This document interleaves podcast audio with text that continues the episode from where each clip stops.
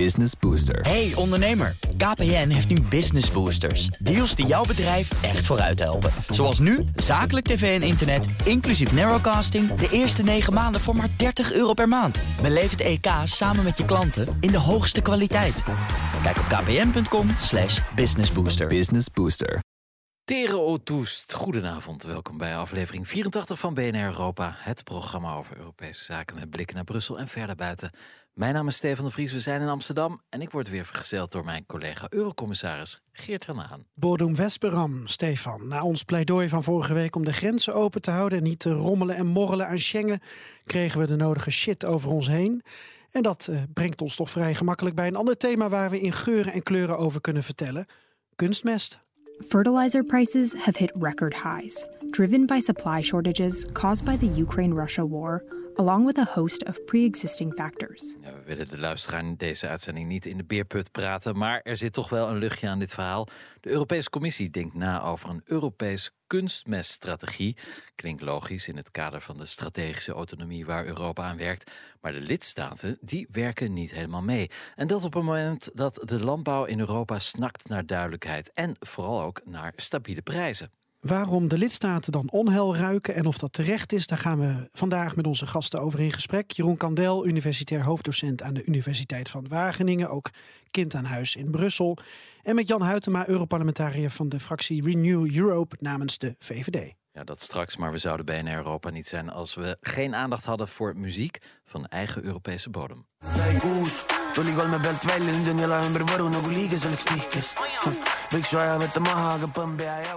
Ja, wat dat is, eh, dat hoor je zo. Dit is BNR Europa. Eurocommissarissen Haan en de Vries houden de Brusselse zaken scherp in de gaten. Tijd voor de Europese Week, uh, Geert-Jan Haan. Ja, en we, we beginnen eigenlijk uh, aan de overkant van Ja. de Grote Plas. We gaan naar de Britse eilanden, waar ze uh, ja, toch ooit nog wisten wie wij waren. Ja, Toen ze nog bij ons hoorden, bij de Unie. en vice versa. Nou, Maar- wij, wij vergeten ze niet. Maar er, er zijn weer plannen Nou, in het ja. noorden van dat grote eiland... Ja. om te kijken of ze zich bij ons kunnen uit, aansluiten. Ja, maar die plannen werden vandaag gefrustreerd door het eh, Britse Supreme Court. Dat eh, besloot dat het eh, Schotse parlement geen referendum mag uitschrijven over de vraag of Schotland onafhankelijk moet worden. Nicola Sturgeon, de, de Schotse eh, premier, eh, die, zei, die reageerde dat, eh, dat deze uitspraak juist het bewijs is dat Schotland onafhankelijk moet worden. Maar ja, zij mag dus geen referendum organiseren. Dus ze gaat weer naar Londen met de vraag of eh, de Westminster mee wil werken aan een referendum over de vraag of Schotland uit de Unie wil stappen. En dit keer dus uit de Britse Unie. En dan logischerwijs uiteindelijk bij ons in de Europese Unie zou komen. Maar ja, voorlopig is dat dus weer gefrustreerd. Nou, dat Ja. moeten we dan in de gaten houden. Maar het kan ook heel lang in de gaten houden. Ja, precies. Ehm, we blijven nog even op het eh, Britse eiland. Want eh, Geert-Jan, jij wilt het hebben over een bijzonder interview... eh, dat Boris Johnson gaf aan CNN. Ja, en dan komen we wel weer terug op het Europese vasteland. Want Boris Johnson die blikt bij CNN terug op 24 fe- februari... toen de invasie begon van Rusland in Oekraïne. En hij vertelde daarover, hij is nu geen premier meer natuurlijk... dus hij kan eh, wat eh, eh, boekjes open doen. Ja. Ja, hij vertelde daar eh, op een manier over... zoals eigenlijk alleen Boris Johnson kan doen, namelijk alles op tafel. This thing was a huge shock, right? We, we, uh, we were all taken, I mean, we could see the, the Russian battalion tactical groups massing, but different countries had very different perspectives. I mean, be in no doubt that the, the French were in, deni- you know, were in denial right up to the last moment. The, the Germans, for all sorts of sound economic reasons, really didn't want it to, uh, you know, they were, they were Ja, het is even zoeken naar eh, woorden voor Johnson... maar dan eh, komt eh, het hoge woord eruit hoor. I'll tell you a terrible thing. Uh, the German view was at one stage that if it were going to happen, which would be a disaster, then it were better for the whole thing to be over quickly and for Ukraine to, to fold. And uh, I couldn't support that. I, uh, you know, that, you know, I, I thought that was a disastrous uh, way of looking at it. But I can understand why they thought and felt as they, they did. I remember the Italians. Ja, die Italians. Ja, want we hebben de Fransen gehad. We hebben de Duitsers een veeg uit de pan gegeven. Nou, dan gaat Johnson eh, even nog even over de Italians door. I remember the Italians, again, massively dependent on, on, hydrocarb- on Russian hydrocarbons, at one stage simply saying, you know, that they, uh, they would be unable to, to support the position we were taking. But then what happened was everybody, Germans, French, Italians, everybody, Joe Biden saw that there was simply no option because you couldn't negotiate with this guy. That's the key point. That's where the logic all, all, all, breaks down. Ja, ik vind drie dingen van Boris Johnson. Eén, hij is ongelooflijk belangrijk voor Oekraïne geweest. Twee, hij kan ongelooflijk goed feestjes geven in coronatijd. en drie, hij kan geweldig verhalen vertellen. Zeker. Het is alsof ik naar een optreden van Eddie Izzard zat te kijken. Weet je, hij had zo'n zo'n sketch in, in Dress to Kill. Jij, jij kent hem trouwens een beetje. Ja, een beetje. Ja. Ik ben naar al zijn shows geweest. En hij trad vaak op in Parijs in zaaltjes met 30 man. Het is echt een wereldster die gewoon stadions vult in uh, Amerika en Groot-Brittannië. Maar in Parijs 30 man. Dus ja, dan kan je een biertje met hem drinken. En Eddie Izzard kon ook zo mooi vertellen. Uh, of hij leeft nog, hè? Maar hij, hij, nog, kan, hij kan, zo mooi vertellen over um, ja, de wereld en over Europa en de, ja. de geschiedenis. Ja. Zullen we een stukje luisteren naar, uh, naar Dress to Kill? And we built up empires. We stole countries. That's what you do. That's how you build an empire. We stole countries with the cunning use of flags. Yeah. you just sail around the world and stick a flag in. I claim India for Britain. And they go, you can't claim us. We live here. 500 million of us. Do you have a flag? yeah. Heeft ja, een vlag. Ik denk dat Johnson hiervan droomt hoor. Een carrière als Eddie Izzard. Ja, toch? nou, zo'n carrière is niet voor iedereen weggelegd. Uh, maar zoek hem vooral op Eddie Izzard. Op YouTube staan heel veel van deze geweldige sketches. Hey, we pakken nog even het laatste nieuws mee ja. voordat we uh, het gaan hebben over ons uh, hoofdverhaal. En dat doen we met uh, Jan Huytema, Europarlementariër. Want de website van het Europees Parlement is gehackt. het lijkt erop dat de Russen erachter zitten. toch hebben we contact met Jan Huytema. Goedenavond. Ja, nee, dat is nog een godswonder, want de hele wifi ligt hieruit, dus ik doe het via 5G. Maar inderdaad, wij hebben hier een uh, DDoS-aanval net gehad. En dat schijnt uh, ja, te zijn door, door Killnet. En misschien wel bekend, maar dit is een Russische activistische groep, hè, pro-Putin. en ja, het vermoeden is toch wel dat ze dat gedaan hebben, omdat wij vandaag een resolutie hebben aangenomen waarin we zeggen dat, dat Rusland een staatssponsor is voor, voor terrorisme. Uh, we hebben dit al eerder gezien. En ja, nu ook weer met, uh, met de aanname van deze resolutie dat ze gelijk een, een, een DDoS-aanval uh, plegen hier, hier. Ja, dat is redelijk verontrustend. Want een DDoS-aanval is zo'n beetje het makkelijkste wat je kan doen als een hacker. Is zelfs de, zijn de servers van het Europees Parlement zelfs daar niet tegen bestand? Ah, hier, hier, dit, dit roepen wij al, al, al tijden. Hè? We ja. hebben een, een VVD-collega, Bart Groothuis, ja. ook wel bij jullie in de uitzending Zeker. geweest. Ja. cybersecurity-expert. Ja, die heeft zich er echt over verbaasd hoe, hoe, hoe lek. Eh, hoe, het is echt zo lek als een mandje hier in het Europees Parlement. Eh, daar niet van is het natuurlijk wel weer een signaal van ja jongens, eh, Rusland bemoeit zich overal mee. Uh, en als wij inderdaad zulke resoluties op ja, stemmen en aannemen, ja, dan zijn ze er als de kippen bij. En nou ja, goed. Ik denk het, het grotere nieuws is, waar ik me nog veel meer zorgen over maak, is natuurlijk wat er in Oekraïne gebeurt. En dat ja. er een, een grote blackout aanstaande is. Ja, absoluut. Ja, het is nu de laatste week van het jaar in het Europees Parlement in Straatsburg. Uh, dat jullie nu geen internet hebben, ja, dat is natuurlijk een grote ramp. Hoe, hoe is de sfeer daar? Zijn jullie allemaal geschrokken? Ramp. Zijn jullie aan het zweten? Ja, dat weet hij dus niet, want hij kan niemand bereiken. nou ja, je ziet toch hoofden om je heen. Is iedereen uh, op zoek? Praten mensen ineens met elkaar in plaats van te appen? nee, natuurlijk. Hè. Kijk, um, dit is gewoon meer een signaal weer dat, dat, dat, dat cybersecurity een hele belangrijke is. En ja, dat natuurlijk ook uh, Rusland hier achter zit. Sommige mensen zijn hier best wel nog naïef in. En die onderschatten denk ik ook cyberaanvallen, cyberaanvallen van Rusland. Ja, hier word je wel weer met de neus op de feiten gedrukt dat dit ja. gebeurt. Ja.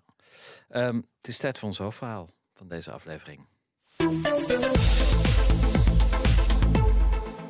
De politieke ontwikkelingen in de wereld hebben ertoe geleid dat Europa diep in de shit zit. Of eigenlijk met te weinig shit zit.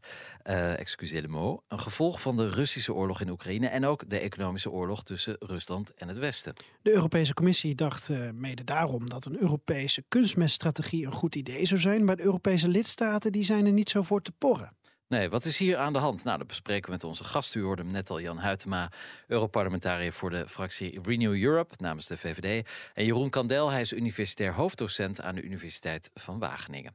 Ja, laten we uh, in Wageningen beginnen. Meneer Kandel, uh, fosfaat uh, komt veelal uit Marokko, maar ook uit China. Kali hebben we ook nodig uit Belarus en Canada. Heel veel meststoffen uit Rusland.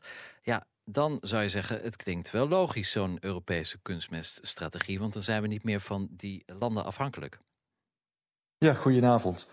Uh, ja, dat klopt. Hè. We kunstmest is echt een, uh, een, een, een product dat op wereldschaal verhandeld wordt. Uh, nou, voor bepaalde type kunstmest, want we hebben het vaak over kunstmest, maar eigenlijk moet je onderscheid maken tussen stikstofkunstmest, fosfaat en kali. Nou, voor die stikstofkunstmest, die kunnen we heel goed in Europa zelf produceren, al kost het wel ontzettend veel energie. Maar voor met name die kali en fosfaat zijn we sterk afhankelijk van uh, uh, landen buiten Europa, omdat die uh, doorgaans in mijnen, mijnen worden ja, gedolven. Mm -hmm. bijvoorbeeld Marokko is een belangrijke fosfaatproducent. Dus dat kan je niet zomaar naar, naar Europa verplaatsen. Daarvoor zijn we afhankelijk van, van handelspartners.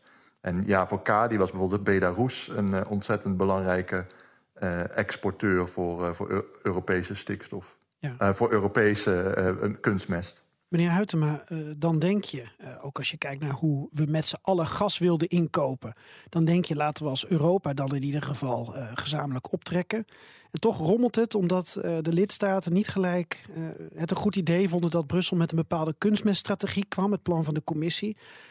kunt u ons nog even wegwijs maken in waarom de lidstaten hun kont tegen de krip en dan een werkwoord erachteraan gooien? gooien. Ja, maar dat, dat lag er meer ook aan dat de communicatie of de strategie van de Europese Commissie onvoldoende is. Dat het niet, niet gelijk helpt om inderdaad die kwetsbaarheid, die onafhankelijk of die afhankelijkheid van, van kunstmest eh, tegen te gaan. En ook iets te doen aan niet alleen de beschikbaarheid, maar ook aan de betaalbaarheid van kunstmest. Um, niet alleen de energieprijzen zijn gigantisch gestegen, maar ook de kunstmestprijzen zijn wel verdrievoudigd of zelfs verviervoudigd. Uh, en dan zou je denken, nou ja, wat, wat, wat hebben wij eraan? Nou, het heeft wel degelijk een prijsopdrijvend effect gehad en nog steeds heeft. En in de toekomst zal hebben voor ons voedsel. Dus uh, naast energie ja, is ook voedsel een hele grote aanjager voor inflatie. Uh, en is het wel heel belangrijk dat we ja, dit probleem uh, serieus nemen. En er zit misschien een luchtje aan, maar het is echt wel een serieus uh, issue op dit moment. We gaan die problemen zo verder met jullie uh, destilleren. Um, even naar die problematiek in de praktijk. Onze afhankelijkheid van niet-Europese landen is natuurlijk een probleem. Maar ja, tot welke problemen leidt dat voor boeren in Europa? En hebben twee collega's, Benjamin Looy en Michael van der Toorn. Die zijn vandaag in Zwarte Broek geweest. Uh, black pants, zou ik zeggen, in goed Europees uh, taal. Doe ze Franse variant, Stefan? Pantalon noir. Ah, prachtige plek daar op de Veluwe. En ze gingen bij een melkveehouderij langs... en daar in gesprek met Christian Bond, een ruwvoeradviseur. En die vertelt ons meer over de problemen in de praktijk. De Nederlandse vlag ondersteboven, spandoeken met slogans tegen beleid van het kabinet. Het zijn bekende beelden bij boerderijen in Nederland. Ook hier in Zwartebroek, waar we op bezoek gaan bij een melkveehouderij, hebben boeren een sterke mening over het beleid dat wordt gevoerd. Ook over kunstmest, waar in heel Europa een tekort aan is ontstaan. Ja, ik ben uh, Christian Bond. Ik ben uh, onafhankelijk uh, ruwvoerspecialist. Ik hou mij eigenlijk bezig met het onafhankelijk advies op het gebied van de teelt van ruwvoer. En we zijn met Christian op een melkveehouderij in Zwartebroek om te praten over de uitdagingen waar Nederlandse boeren mee zitten op het gebied van kunstmest. Wanneer kunstmest in, uh, in je systeem gebruikt wordt, dan is natuurlijk de uh, stijging van de prijs is gewoon een stijging van de kost, kostprijs. En als de kostprijs omhoog gaat, dan moeten natuurlijk aan de andere kant de inkomsten ook omhoog gaan. Nou, en dat is natuurlijk een, een dilemma waar mensen mee zitten. Daarnaast is kunstmest een product wat je in één keer koopt. Of gewoon uh, uh, een grotere hoeveelheid koopt. Dus als je een grotere hoeveelheid koopt, dan uh, is het in één keer een berg geld. En dan lijkt het heel veel. Wat ik vaak zeg is van, nou ja, je moet uiteindelijk het, de kosten deel je over het hele jaar en over je hele voervoorraad. Um, en dan worden prijzen gewoon anders. Alleen het blijft gewoon zo. De kunstmest is vergeleken met vorig jaar of het jaar daarvoor is in, in periodes zelfs uh, drie keer zo duur geweest uh, dan normaal per kilogram stikstof. Nou, dat is natuurlijk een enorme uh, stijging van de prijs.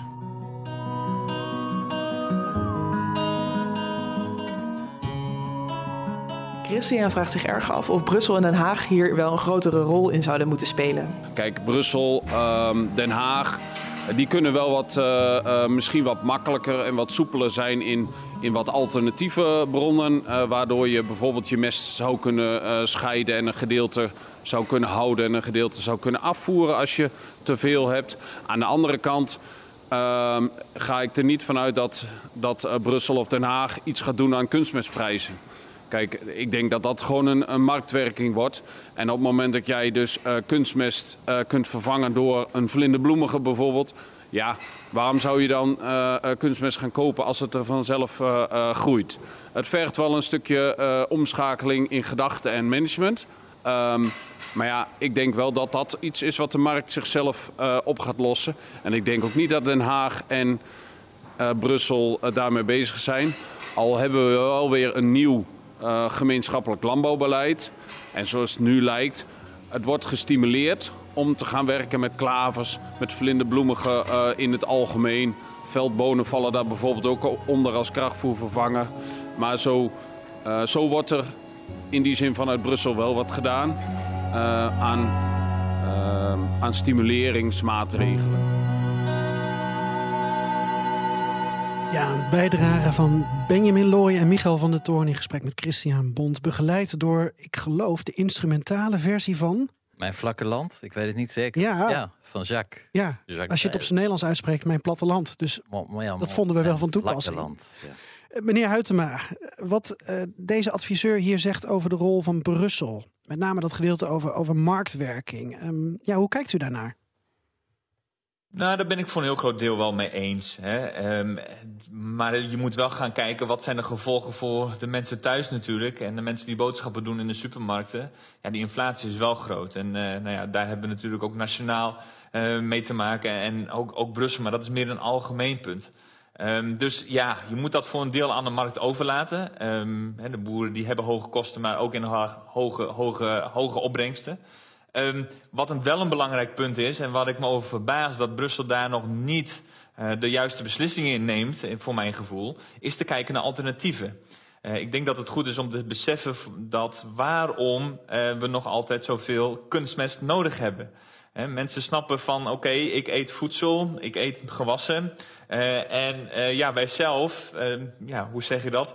Poepen natuurlijk ook mest uit. Ja, zo zeg je dat. En mensen beseffen niet, hè, ja, hoe zeg je dat? Die, die uitwerpselen komen niet terug, of nauwelijks terug, weer op het land.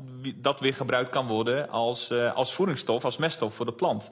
En zolang dat niet gebruikt wordt, moeten we eigenlijk dat verlies, hè, dat verschil, ja, eigenlijk uh, uh, opheffen door middel van kunstmest. En dat is natuurlijk de wereld op zijn kop. Dus ik zou heel graag willen dat er eindelijk uh, nieuwe regels komen dat we het gebruik van onze eigen uitwerpselen, maar ook het gebruik van dierlijke mest veel meer kunnen gaan gebruiken, in plaats van dat we zo afhankelijk zijn van kunstmest. Ja, we zitten toch al in de woordgrappen.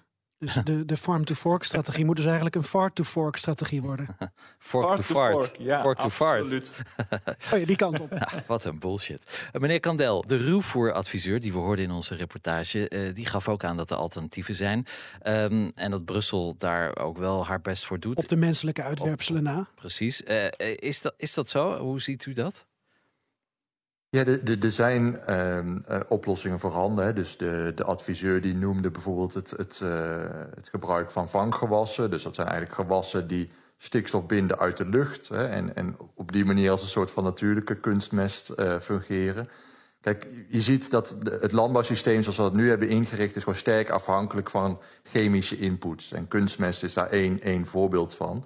maar er zijn allerlei andere landbouwfilosofieën die stellen van ja, je zou eigenlijk uh, ook vanwege de klimaatimpact en de impact op, op de biodiversiteit van het, het, het grote gebruik van mest en kunstmest en ook de uitspoeling daarvan in ons milieu, zou je eigenlijk toe willen naar, naar landbouwsystemen waarin veel meer gebruik wordt gemaakt van agro-ecologische principes. Bijvoorbeeld het, het, gebruik van die, van die vanggewassen. En je ziet toch dat daar op dit moment nog veel minder in wordt geïnvesteerd, ook vanuit het Europees landbouwbeleid. Het komt nu wel langzaam. Uh, maar de afgelopen decennia is daar veel minder in geïnvesteerd dan, uh, dan in die synthetische meststoffen. Hè. Dus uh, alleen al vanwege, vanwege klimaat, biodiversiteit, en dat erkent de Europese Commissie ook. We hebben het nu over een kunstmesttekort. Maar eigenlijk wil de Europese Commissie juist toe naar 20% minder kunstmestgebruik in 2030. Hè. Dus je zou nu ook versneld moeten gaan nadenken over ja, hoe kunnen we versneld ook boeren helpen om, om dat kunstmestgebruik af te bouwen uh, en, en te vervangen door, uh, door mogelijk meer ecologische vormen van, van het toevoegen van nutriënten aan, aan hun bodems. Ja, en, en, bovendien op een gegeven moment is fosfaat op, toch? Het is, het is een eindige ja. voorraad die we hebben. Ja, daar ben ik het ook zeer met de heer Huytema eens. Met name als het gaat om fosfaat. Daar, ja, dat, dat komt uit mijnen, dat raakt op. Uh, dus we zullen, hè, we, we, we, kunnen, qua fosfaat kunnen we het systeem redelijk waterdicht maken. Maar op dit moment zien we dat er via het riool nog ontzettend veel, uh, veel wegspoelt. Dus er wordt al onderzoek naar gedaan. Hè. Hoe kan je bijvoorbeeld in, in steden en in grote gebouwen, hoe kan je dat weer terugwinnen? Mm -hmm. Maar dat, ja, dat is natuurlijk een enorme verbouwing van je rioolsystemen, et cetera, et cetera. Dat is een hele grote operatie. En ja, dan, dan, dan moeten we op tijd mee beginnen. Meneer Huytema, uh, zelf ook ervaring als melkveehouder. Uh, wat wordt op de korte termijn nu van Brussel of Den Haag verwacht van uh, de boeren die dus problemen hebben, zowel met financiering als met aanbod? Nou ja, ik denk dat een hele belangrijke taak ligt, is om het gebruik van hun eigen mest, hun eigen dierlijke mest, ja, dat ze dat meer mogen gaan gebruiken. Er zijn best wel heel wat bedrijven die uh, ja, dat, dat, de dieren mest produceren. En dat een deel van die mest eigenlijk met ook nog een boete afgevoerd moeten worden naar ja, andere landen om, om ons heen. En zo'n boer moet dus geld betalen om mest af te voeren. Uh, en kunstmest, duur kunstmest aan te kopen om toch in de behoeftes van de gewassen te voorzien dat er voldoende uh, bemest, uh, bemest kan worden. Ja, dat is eigenlijk de wereld op zijn kop. Hè. Um, sommige mensen hebben het erover dat Nederland een ja, overbemesting heeft, te veel, te veel mest is. Dat, dat is niet waar. Het komt meer door Europese regels dat boeren niet al hun dierlijke mest mogen gaan gebruiken, af moeten voeren verplicht, daar een boete voor moeten betalen en kunstmest moeten aanvoeren.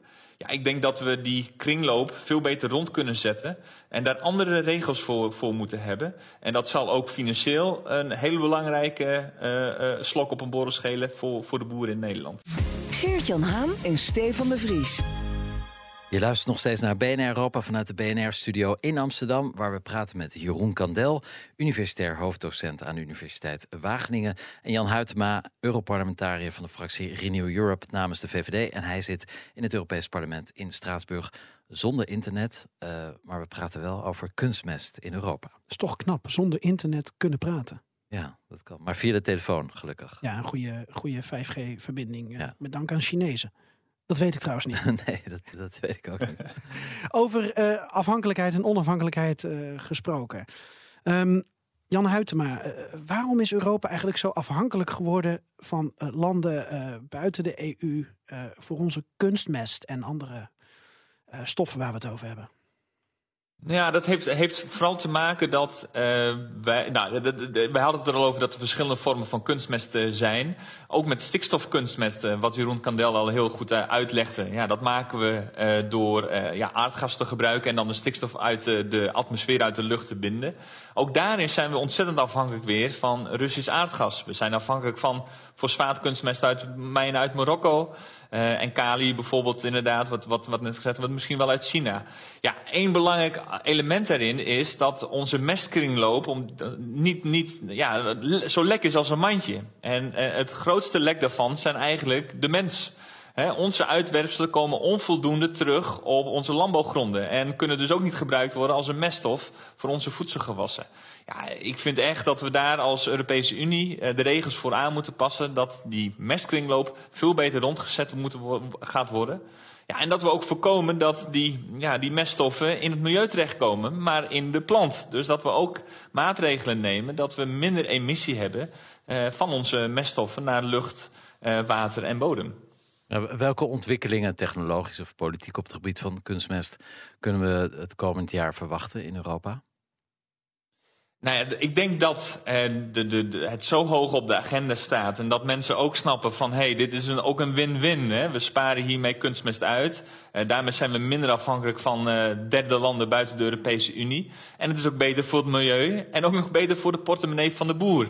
Hè, omdat kunstmestprijzen nu ontzettend duur zijn. Dus ik verwacht ook dat in begin volgend jaar men met een actieplan komt dat veel beter inzichtelijk gemaakt wordt ja, hoe die meststromen, hè, die, die, die die mestkringloop, hoe die loopt. En dat ook veel beter inzichtelijk gemaakt is, waar, waar zitten nou die lekken?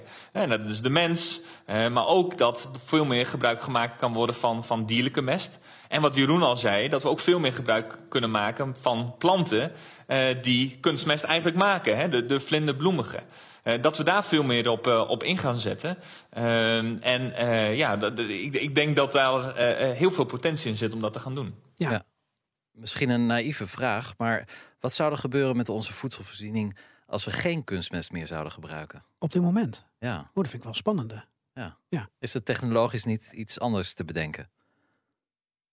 Uh, als je het mij vraagt, uh, ja. ik ben natuurlijk geen wetenschapper, maar nee. meer als je daar met een helikopterview naar kijkt.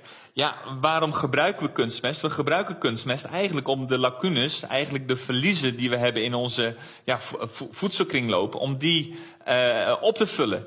Um, ja, als we, we hebben die verliezen nou eenmaal, soms groter dan we eigenlijk dan wenselijk.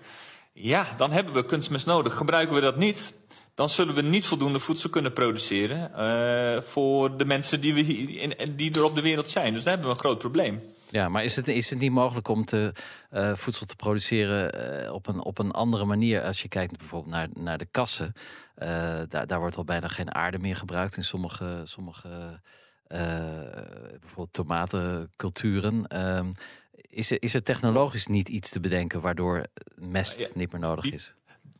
Die technologische innovatie is kunstmest. Oké. Okay. Dat is nou.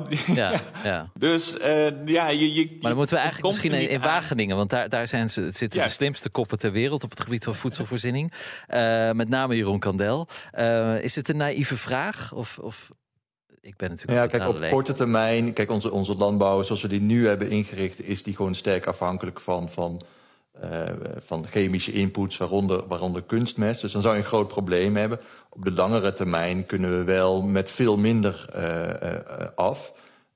en als je helemaal out of the box denkt, hè, dan zou je zelfs voedsel kunnen gaan produceren zonder landbouw. Hè. Er ja. zijn allerlei wilde ideeën over microbiële fermentatie, hè, waarbij eigenlijk bact bacteriën dan uh, ja, complexe uh, voedselstructuren maken. Die moet je natuurlijk ook nog voeden met, met suikers. Dus enige landbouw zal dan nog wel nodig zijn. Maar goed, dan hebben we het echt over, over de, de, de, de ver, verre toekomst. Dus op korte termijn zou je denk ik vooral uh, veel efficiënter met kunstmest en met meststoffen om moeten gaan. Op de langere termijn kunnen we absoluut met, met veel minder af. En zou je veel meer moeten inzetten op die agro-ecologische principes. ja, en of je echt helemaal zonder kunstmest kunt uh, dat lijkt me wel een, uh, vooralsnog een erg hypothetische situatie. Ja, meneer Kandel, niet heel veel luisteraars zullen alle ins en outs van, van kunstmest en dit gesprek paraat hebben. een aantal simpele vragen stellen we daarom ook. We hebben het net even gehad over waarom kunstmest dan zo belangrijk is. Een andere simpele vraag, maar waar mensen wel mee zitten. Waarom is die prijs zo hoog? En, en nu is hij geloof ik weer dalende, maar het heeft ook te maken met uh, dat je een bepaald inkoopmoment natuurlijk hebt um, uh, als je boer bent of via een groothandel uh, dat doet. wat kunt u over die, die prijsschommelingen vertellen? Is dat allemaal de schuld van Rusland, om het even zo te zetten? Nou die, die, die recente prijsschommelingen die zijn absoluut het gevolg van de oorlog in Oekraïne. Maar het laat natuurlijk zien dat het voedselsysteem, hè, hoe, we, hoe we nu de voedselproductie, consumptie, alles daartussen hebben ingericht, dat het sterk gekoppeld is aan ons energiesysteem. En we zitten natuurlijk op de langere termijn ook in een energietransitie, een klimaattransitie. We, we zijn aan het overschakelen van fossiele, een fossiele energievoorziening naar meer hernieuwbare energie. Dus in die zin is het wel uh, te verwachten dat, dat we ook in de toekomst, hè, ook, ook door andere oorzaken dan, dan deze oorlog, te maken zullen krijgen met, met prijsschommeling in ons energiesysteem en daarom ook uh, in ons voedselsysteem. En is het daarom des te meer aan te raden om versneld uh, om te schakelen van, van die sterke afhankelijkheid van fossiele brandstoffen. Uh, waaronder ook het produceren van kunstmest naar meer, meer hernieuwbare uh, alternatieven. Ja, en meneer Huytema, dat is ook een koppeling waar u veel mee bezig bent. landbouw en energie. En dan komen we ook uit bij een aantal plannen van Frans Timmermans. Repower EU is daar één van. Kunt u uh, daar een samenvatting van geven van hoe u daar als Europarlementariër naar kijkt? En heeft u nog bepaalde tips op dat gebied voor uh, de Eurocommissaris die erover gaat, meneer Janusz Wojciechowski? Nou ja, dat, dat we dierlijke mest, eigenlijk de mest die we hebben, voorhanden hebben, dierlijke mest, maar ook ja, de, de, menselijke uitwerpers, veel meer op waarde moeten gaan schatten. En dat we eigenlijk inderdaad veel meer onze focus hebben gelegd de afgelopen tijd naar kunstmest, terwijl we juist een hele waardevolle grondstof hebben, namelijk uh, natuurlijke mest, dierlijke mest. Uh, inderdaad, in Repower EU staat dat wij uh, minder afhankelijk moeten zijn van Russisch aardgas en dat we zelf uh, biogas moeten gaan produceren. En biogas, uh, een belangrijke bron van biogas, is dierlijke mest. In dierlijke mest zit uh, methaan. Als je er niks mee doet, komt het vrij in de natuur en is het ook nog een, een hele potente broeikasgas. Uh, maar in Nederland zijn er heel veel innovaties, en ook in Duitsland, waarbij je met monovergister juist die uh, uh, methaangassen in, in, in de mest op kunt vangen en kunt gaan gebruiken als een vervanger van um, um, Russisch aardgas.